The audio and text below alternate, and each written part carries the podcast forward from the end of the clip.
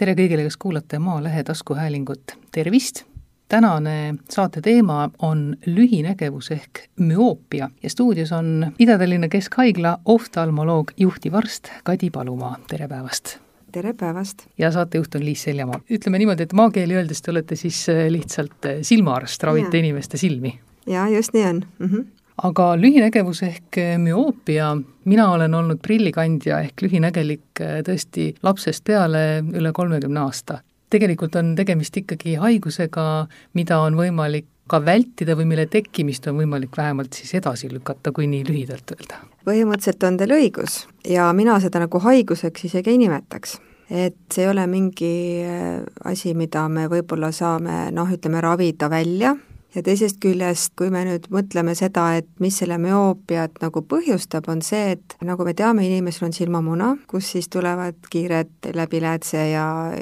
teiste murdvate keskkondade ja lähevad silmapõhja ja inimestel on see silmamuna pikkus erinev. lühinägevusega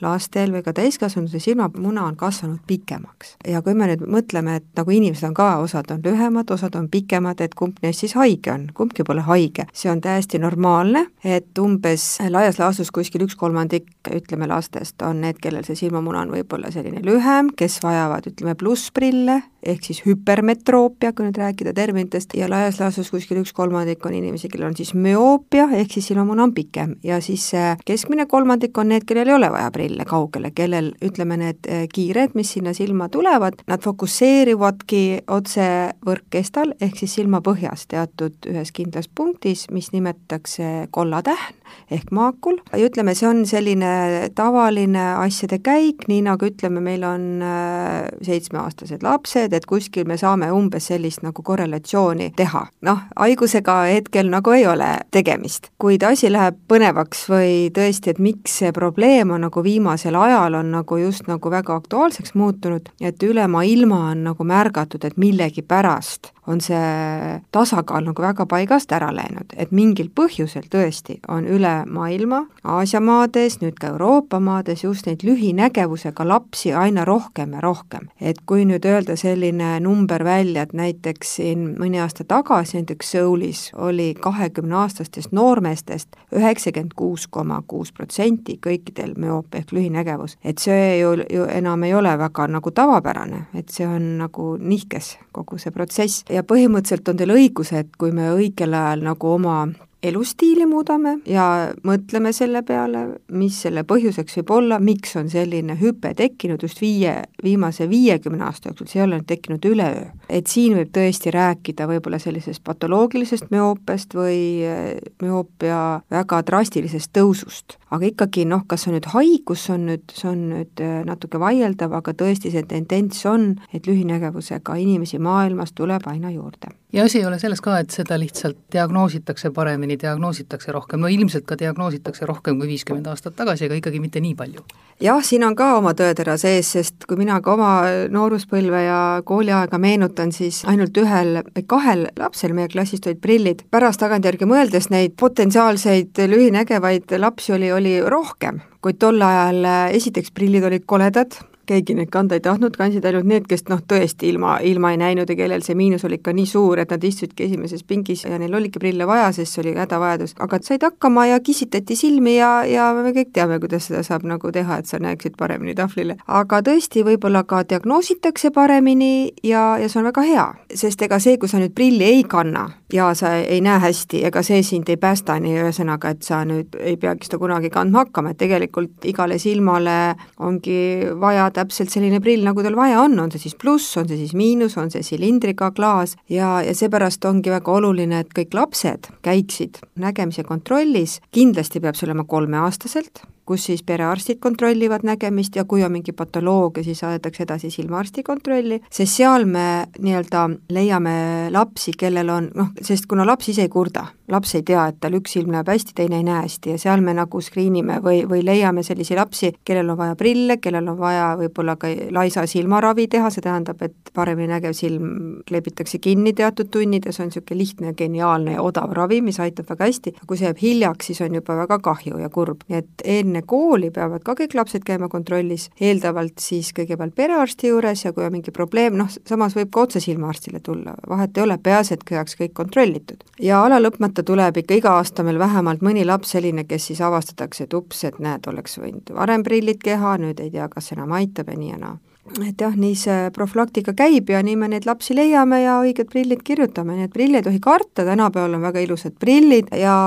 pigem on see nagu vanematepoolne selline, et vanem nagu ehmatab hullult ära, et oi appi, mu lapsel on prilli vaja ja seda ei tohiks ka kunagi nagu välja näidata, et pigem mina alati annan retsepti lapse kätte, ütlesin nii, nüüd lähed prillipoodi, valid endale kõige ilusamad prillid, milliseid sa ise tahad. ja siis neil juba silm läheb särama, oh, mina tahan roosasid ja mina tahan siniseid ja prill peabki olema täpselt selline, nagu laps laps tahab, ütleme välimuse poolest, ja muidugi optik oskab soovitada nagu suurust ja kuju ja selliseid asju, aga siin tuleb kindlasti arvestama lapse arvamusega. kui ostetakse sellised prillid, mida, mis emale meeldivad, lapsele ei meeldi, siis ei ole sellest mõtet, sest laps ei kanna neid lihtsalt. teame ju kõik, et nii-öelda prillikandjaks võib saada tegelikult ükskõik mis vanuses, eks ole, on tõesti päris väikeseid, võib-olla juba kolmeaastasi, või siis need, kes juba koolis käivad, aga ka täiskasvanu eas võib äh, see prilli kandmise vajadus tekkida. ehk siis, et kas need põhjused, miks lühinägelikkus tekib, on ikkagi erinevad, miks see tekib siis lapseeas, miks see tekib hilisemas eas? lühinägevus hakkabki arenema tegelikult just nagu kooli ütleme, eas, ütleme seitse, kaheksa, üheksa, kümme, üksteist. aga samas võib see tekkida tõesti ka viieteist-kuueteistaastasel lapsel, see pole üldse haruldane, kuid mida varem see miinus tekib nii-öelda, seda kaugemale ta võib edasi areneda, see on suht loogiline, eks ju, kui ta tekib viieteistaastaselt, siis ta võib minna üks-kaks võib-olla, aga kui ta tekib juba seitsmeaastaselt või juba enne kooli, siis see miinus võib minna ikka väga suureks. Ja siin liigi tekitataksegi nii-öelda suur müoopia, miinused, mis on üle miinus kuue.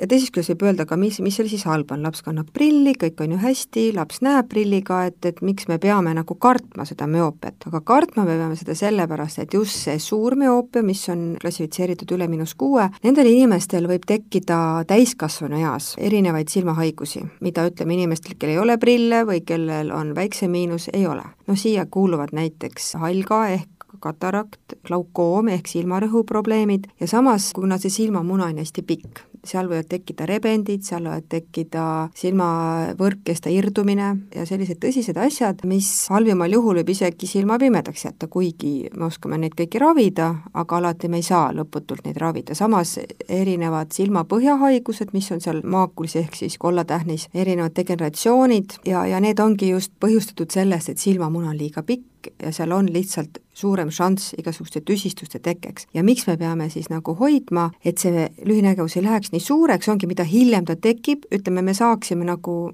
ka omalt poolt teha, sinna me kohe jõuame, mida me saaks omalt poolt teha, kuidas seda müoopiat nagu võib-olla ka pidurdada, et mida hiljem ta tekib, seda parem. miks tekib? seda on nüüd hästi palju uuritud üle maailma, kuna see probleem on nii suur ja tervishoiusüsteemil on ka päris suur kulu juurde, kui me peame neid patsiente ju ravima, eks ju, nende silmahaiguseid ju ravima ja opereerima, see on ju suur koormus ja tegelikult on jõutud väga lihtsate lahendusteni. maailmas ei ole, kõik uus on unustatud vana, eks ju, ja, ja on uuritud, mis meie nagu elus on muutunud selle viimase viiekümne aasta jooksul, miks see on pandeemia, seda nimetatakse ka müoopia pandeemiaks, miks see on nagu tekkinud. ja on leitud selline asi, et tegelikult inimeste elustiil on muutunud. esiteks, kui ma laste käest küsin, et mis te arvate, mis olla, võib olla see põhjus, miks on nii palju lühinägevust, punkt üks ütleb, no need nutitelefonid. ütlesin jaa, põhimõtteliselt on teil õigus, et kui liiga lähedalt vaadata seadmeid, mis on, see tähendab ka seda, et silm peab fokusseerima ja silmamuna, see nagu ärgitab ka kasvama, ütleme nii. teisest küljest, see aga see on number kaks põhjus ja number üks põhjus on see, et lapsed lihtsalt ei käi enam õues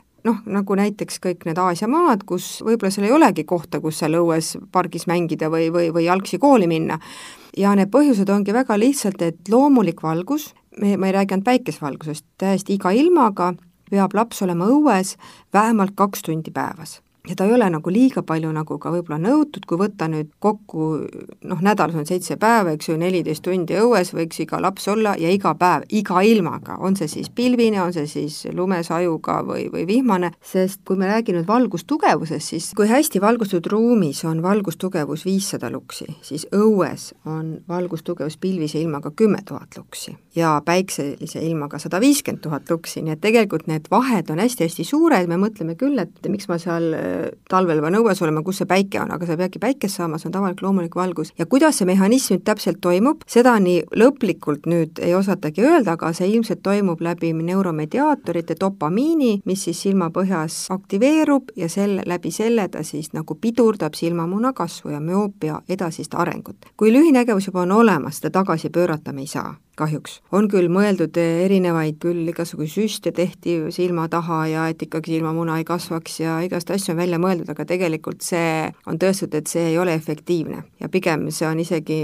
mõne, mõnede riskidega seotud, kui seal silma taga väga palju manipuleerida. aga jah, skeem on ju lihtne, iga päev laps õue mängima, kaks tundi ja selline skeem on lausa, reegel on tehtud, kaks, kakskümmend, kakskümmend, kaks tundi laps õues, iga kahekümne minuti lähitöö järgi peab inimene, me ei räägi ainult lastest, ka täiskasvanutest, vaatama kakskümmend sekundit kaugusesse. et see on see, et kui me vaatame nagu kogu aeg lähedale, siis ka noh, silm väsib ja kaugusesse tähendab seda, et kas või aknast hästi kaugele silmapiirile, nii palju kui näha on, ja see käib ka kõikide kontoritöötajate kohta kes hommikust õhtuni vaatavad arvutit, siis on silmad kuivad ja peab silmi pilgutama ja kõik selline asi, et tegelikult need äh, skeemid on nagu suht lihtsad. siinkohal võiks rääkida ka mõnedest niisugustest arvamustest, mis noh, juba sellel ajal, kui mm -hmm. mina laps olin, öeldi välja, et kui sa teed niimoodi, siis jäävad silmad haigeks, saad prillid. oli televiisori vaatamine väga lähedalt, seda ei lubatud vaadata kunagi, aga ka raamatute lugemine, pimedas raamatute lugemine, väga usinad lugejad teavad ju, et ühel hetkel lihtsalt kästi raamat ära panna, aga nagu väga põneva koha peal oli poole pooleli, siis ju tahtsid edasi lugeda kas või teki all ja taskulambiga ja nii edasi, nii edasi, et kas need on ka ikkagi asjad, jah, tõesti, kui sa tundide kaupa raamatusse vahid, siis on see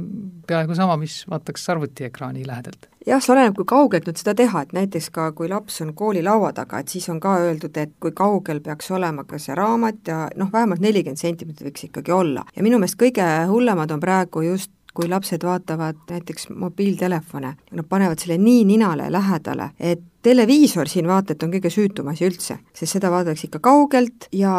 aga loomulikult siin on ka omad reeglid, mis on isegi, Maailma Terviseorganisatsioon on isegi välja andnud sellised äh, skeemid, et näiteks alla kolmeaastane laps ei tohiks üldse vaadata mingit mobiiltelefoni, siis kolme kuni kuueaastane võiks vaadata seda maksimaalselt kaks tundi päevas ja sealt edasi maksimaalselt kolm tundi päevas. ja siis tulebki öelda, et näiteks noh, last peab kuidagi nagu ka motiveerima või hea küll, kaks tundi vaatad telefoni, kaks tundi oled õues, et mingisugune nagu tasakaal peab olema, et noh, tihtipeale mina ütlen oma patsientidele, et mõtle, kui sa hommikust õhtuni jookseksid õues, mõtle, kui väsinud su jalad on, on õhtuks. mõtle, kui sa hommikust õhtuni vaatad kogu aeg mingit nutiseadet, mõtle, kui väsinud su silmad on õhtuks. siin peab ka lastele nagu mingeid paralleele tooma, et ta saaks aru, milleks see nagu hea on ja loomulikult ka kogu see kooliminek ja koolist tulek, tuuakse lapsukene siis seal autoga ukse ette, siis ta läheb kaks sammu kooli trepist üles ja täpselt samamoodi koju, et praegu on väga tervitatavad need liikuma kutsuvad koolid ja kõik, kes siin jalgrattateid ja jalgrattaga lapsi kooli, et ja kas või ma olen öelnud, et pange see laps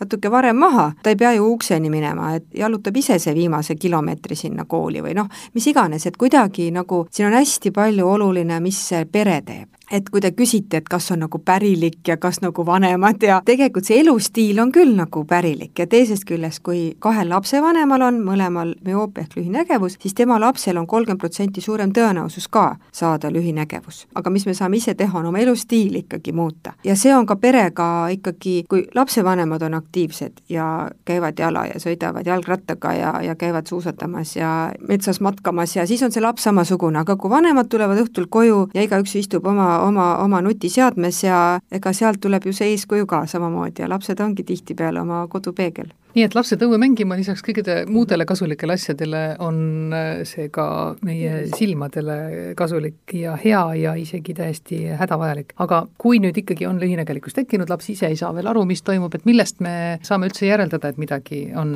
valesti? koolis on klassika see, et ei näe tahvlile, eks ole, et see on võib-olla niisugune noh, isegi võib-olla mitte esimene värk, vaid et see on juba selline suurem probleem juba, kui juba tahvlile ei näe. no kodus on samamoodi, laps ei näe televiisorit, läheb aina lähemale ja kissitab silmi ja, ja see on täpselt sama asi, et ta ta ei näe kaugele. samas lähedale ta näeb väga hästi ja, ja lühinägevusega inimesed näevadki lähedale väga hästi. Õnneks on koolis ka selline profülaktiline kontroll teatud klassides, kus siis kooliõde kontrollib ära klassid, me oleme nüüd käinud koolides ka ja kooliõdedega rääkinud ja nad on väga tublid selles ja, ja kooliõde, ütleme, annab ka siis noh, tema ei saa suunata last, ütleme, arstile, ta peab ütlema lapsevanemale, et palun minge nüüd lapsega silmaarsti juurde, seda peab siis tegema ikkagi lapsevanem, aga mõned vanemad küll ei ole aega, küll ei saa aega, kõik nii edasi, et õnneks jah, koolis on ka selline ikkagi kontroll olemas, kui nüüd lapsevanem ise ei märka. ja kui on endal prillid, noh, ma räägin, ükskõik, kas on pluss või miinus või siis ollakse tihtipeale võib-olla isegi nagu tähelepanelikud oma lapse suhtes ka ja siis juba öeldakse, näiteks kui on kõik korras, teie lapsel on kõik korras, tulete näiteks kaebuste esinemisel või kui on mingi probleem ja teie peab üldse tulema kontrolli, kui muresid ei ole, või teie peate käima kahe aasta tagant ja siis on juba lapsevanemal ka selge pilt, kui tihti ta peab käima, ega lihtsalt niisama ka ei pea käima arsti juures, kui mingit muret ei ole, kui on öeldud, kõik on hästi, siis ongi hästi.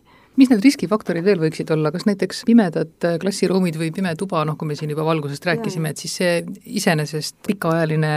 ja pidev pimedates ruumides viibimine juba mõjub? Põhimõtteliselt küll jah, ega siin on ka omad normid ju, kui palju neid lukse peab olema seal klassiruumis ja näiteks ka soovitatakse ju koolilaud panna, eks ju, akna juurde, et tuleks loomulikku valgust ja kindlasti peab olema hästi valgustatud ikkagi see töökoht, kus laps ka kodus õpib. aga nagu ma ütlen, et see on ainult väike osa aga kui ikkagi, nagu te ütlesite, see voodis teki all lugemine, et see on ka päris huvitav, seda ma olen ka mõelnud, et kas see nagu on põhjus olnud, et võib-olla see liiga lähedalt lugemine, aga samas ega lugemine on ju hea. ja kui öeldakse, et laps peab ju lugema kooslikku kirjandust, see on väga õige, peabki lugema, aga siis ma ütlengi, et vot suvel minge õue ja olgu seal kiiktoolis ja võrkkiiges ja lugege seal oma raamatut, et väga kasulik, laps peabki lugema ja see on ju ainult ju tervitatav, kui lapsed raamatuid loevad, aga seda võib ka natukene last suunata, kus ta seda teeb teeb, mitte pimedas teki all, aga õues päikse käes. Teie kui silmaarsti soovitused veel müoopia siis kas vältimiseks või kui see juba käes on, mille tegemiseks, millised need võiksid olla? Kui see juba käes on, siis peab korra aastas käima silmaarsti juures, kus siis määratakse tihemini, tavaliselt me isegi prille ei muuda, üks aasta ikka ikkagi nagu püsivad ühed prillid tavaliselt. ja siis me teeme ikkagi täpsed uuringud, paneme silmatilka silma, vaatame silmapõhja, vaatame, kui palju on see lühinägevus arenenud ja nüüd on meil silmakliiniks olemas ka selline vahva uus aparaat, millega me saame mõõta ka seda silmamuna pikkust, mis on väga põnev, et vaadata, kui palju siis see silmamuna on kasvanud selle aastaga. see on nagu kasvukõver, nagu on kaalukõver, kõver ja kasvukõver ja, ja seal me saame ka lapsele näidata, et vaata, kus sina nüüd selles korrelatsioonis nüüd oled, kas sa oled seal nulli peal, et kui suur nagu šanss, et kui sa nüüd teed nii, et vaata, et, et sul ei olegi edasi läinud see miinus, et väga tubli, et sa oled väga hästi see aasta siin ennast nagu hoidnud ja sul ei olegi edasi läinud see miinus, et, et siin on mitu asja, siin ei ole ainult see miinuse tekke suurenemine oluline, aga ka silmamuna pikkus, et see on nüüd tõesti aasta otsa meil olnud see aparaat ja see on meid väga, väga palju aidanud ja, ja ka lastele me saame näidata reaalselt graafikut, et vaata, kuidas su silm on nüüd arenenud või kasvanud või ei ole. no silmamuna pikkus on midagi sellist, mida laps ise ei saa muuta? ei, ei, ja, ja miinust ka ei saa muuta, aga seda me saame nüüd äh, objektiivselt nagu äh, mõõta ja see on hästi lihtne protseduur selles mõttes, et seda sai ka ennem mõõta, aga, aga see oli palju keerulisem, aga nüüd on meil täiesti selline müoopia-spetsiifiline aparaat, võib öelda, ja sellega me jälgime lapsi aga ütleme, kui lapsel on tõesti see algfaasis, et arstid, mida nad saavad siis teha, paned prillid, aga kas seal on veel mingisugused lisaasjad, noh, seesama, et üks silm kinni ja nii edasi, et, et mingid sellised asjad? no kui on äh, üks silm näeb halvemini kui teine, siis me ikkagi teeme jah, sellist kinnikatmist või oklusioonravi, aga see tihtipeale, see on rohkem nagu laste puhul, kellel on plussprillid. isegi miinusprillide puhul on seda nagu harvem, müoopide puhul. aga selle kinnikatmise puhul on ka üks noh, nagu me rääkisime siin televiisorist ja üks vahva poiss ütles mulle ükskord, et just äsja siin, et ma ütlesin, et noh, kuulge, et kas sul on see klapp olemas, mis sinna silma peale panna. jaa, mul on see multifilmi klapp. see on see, et kui ma multifilmi vaatan, siis ma panen selle klapi ette nii et see ongi selline lapsevanema nutikus, et ütelda, et vaata, nüüd sa saad vaat-, vaadata kaks tundi multifilme, aga siis, kui see klapp on ees. noh, me alati anname soovitusi, et kui see miinus on ikka nii väike ja, ja, ja laps saab tegelikult nagu hakkama, ütleme, ta ei pea ka võib-olla jalgrattat sõitma või sporti tegema, kui ta tegelikult saab ka ilma hakkama, aga kindlasti kaugele vaatamisel ja arvuti ja, ja koolis ja siis on see prill vajalik, aga osadel juhtudel me ikkagi ütleme, et sa ei pea nagu võib-olla seal karate trennis võid prilli ära võtta põhimõtteliselt selleks, et hoida müoopia alal nii-öelda lastel silma peal, on üks tervise ennetusprojekt Ida-Tallinna Keskhaigla ja Tartu Ülikooli Kliinikumi koostöös, see kannab pealkirja Müoopia ennetus lastel ja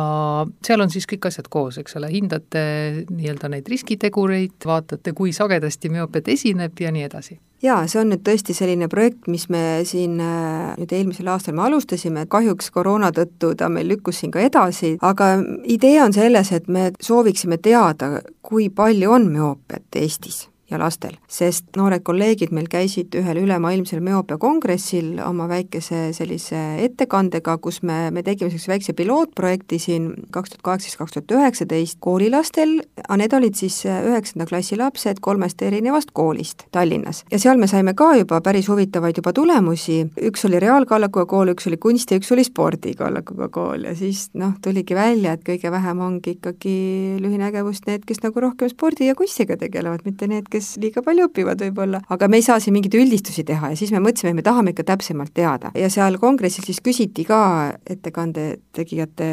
tohtrite käest, et no kui palju teil on siis Eestis müoopiat, ma ütlesin, me ei tea. aga kuidas te ravite? me ei ravigi. ja siis me mõtlesimegi, et me peame ikka ennast natukene siin nagu parandama selles suunas. ja, ja siis meil tuligi idee teha selline projekt ja sinna nüüd need koolid valiti juhuvalimina, et meie teadusosakond on, on sinna haaratud, kes siis tegi nii-öelda nagu kübarast võeti nagu loo see välja, et millised koolid siis üle Eesti sinna nagu sattusid, kuna Tallinnas on kõige rohkem lapsi ja, ja kõige rohkem koole, siis kõige rohkem on siin Tallinna koole, aga on ka koole Tartust ja Tartu lähedalt ja ka maakondades siin Tallinna lähedalt ja ka siin üle Eesti. Ja, ja hetkel võib öelda vist, et meil on umbes pooled koolid käidud me oleme tõesti väga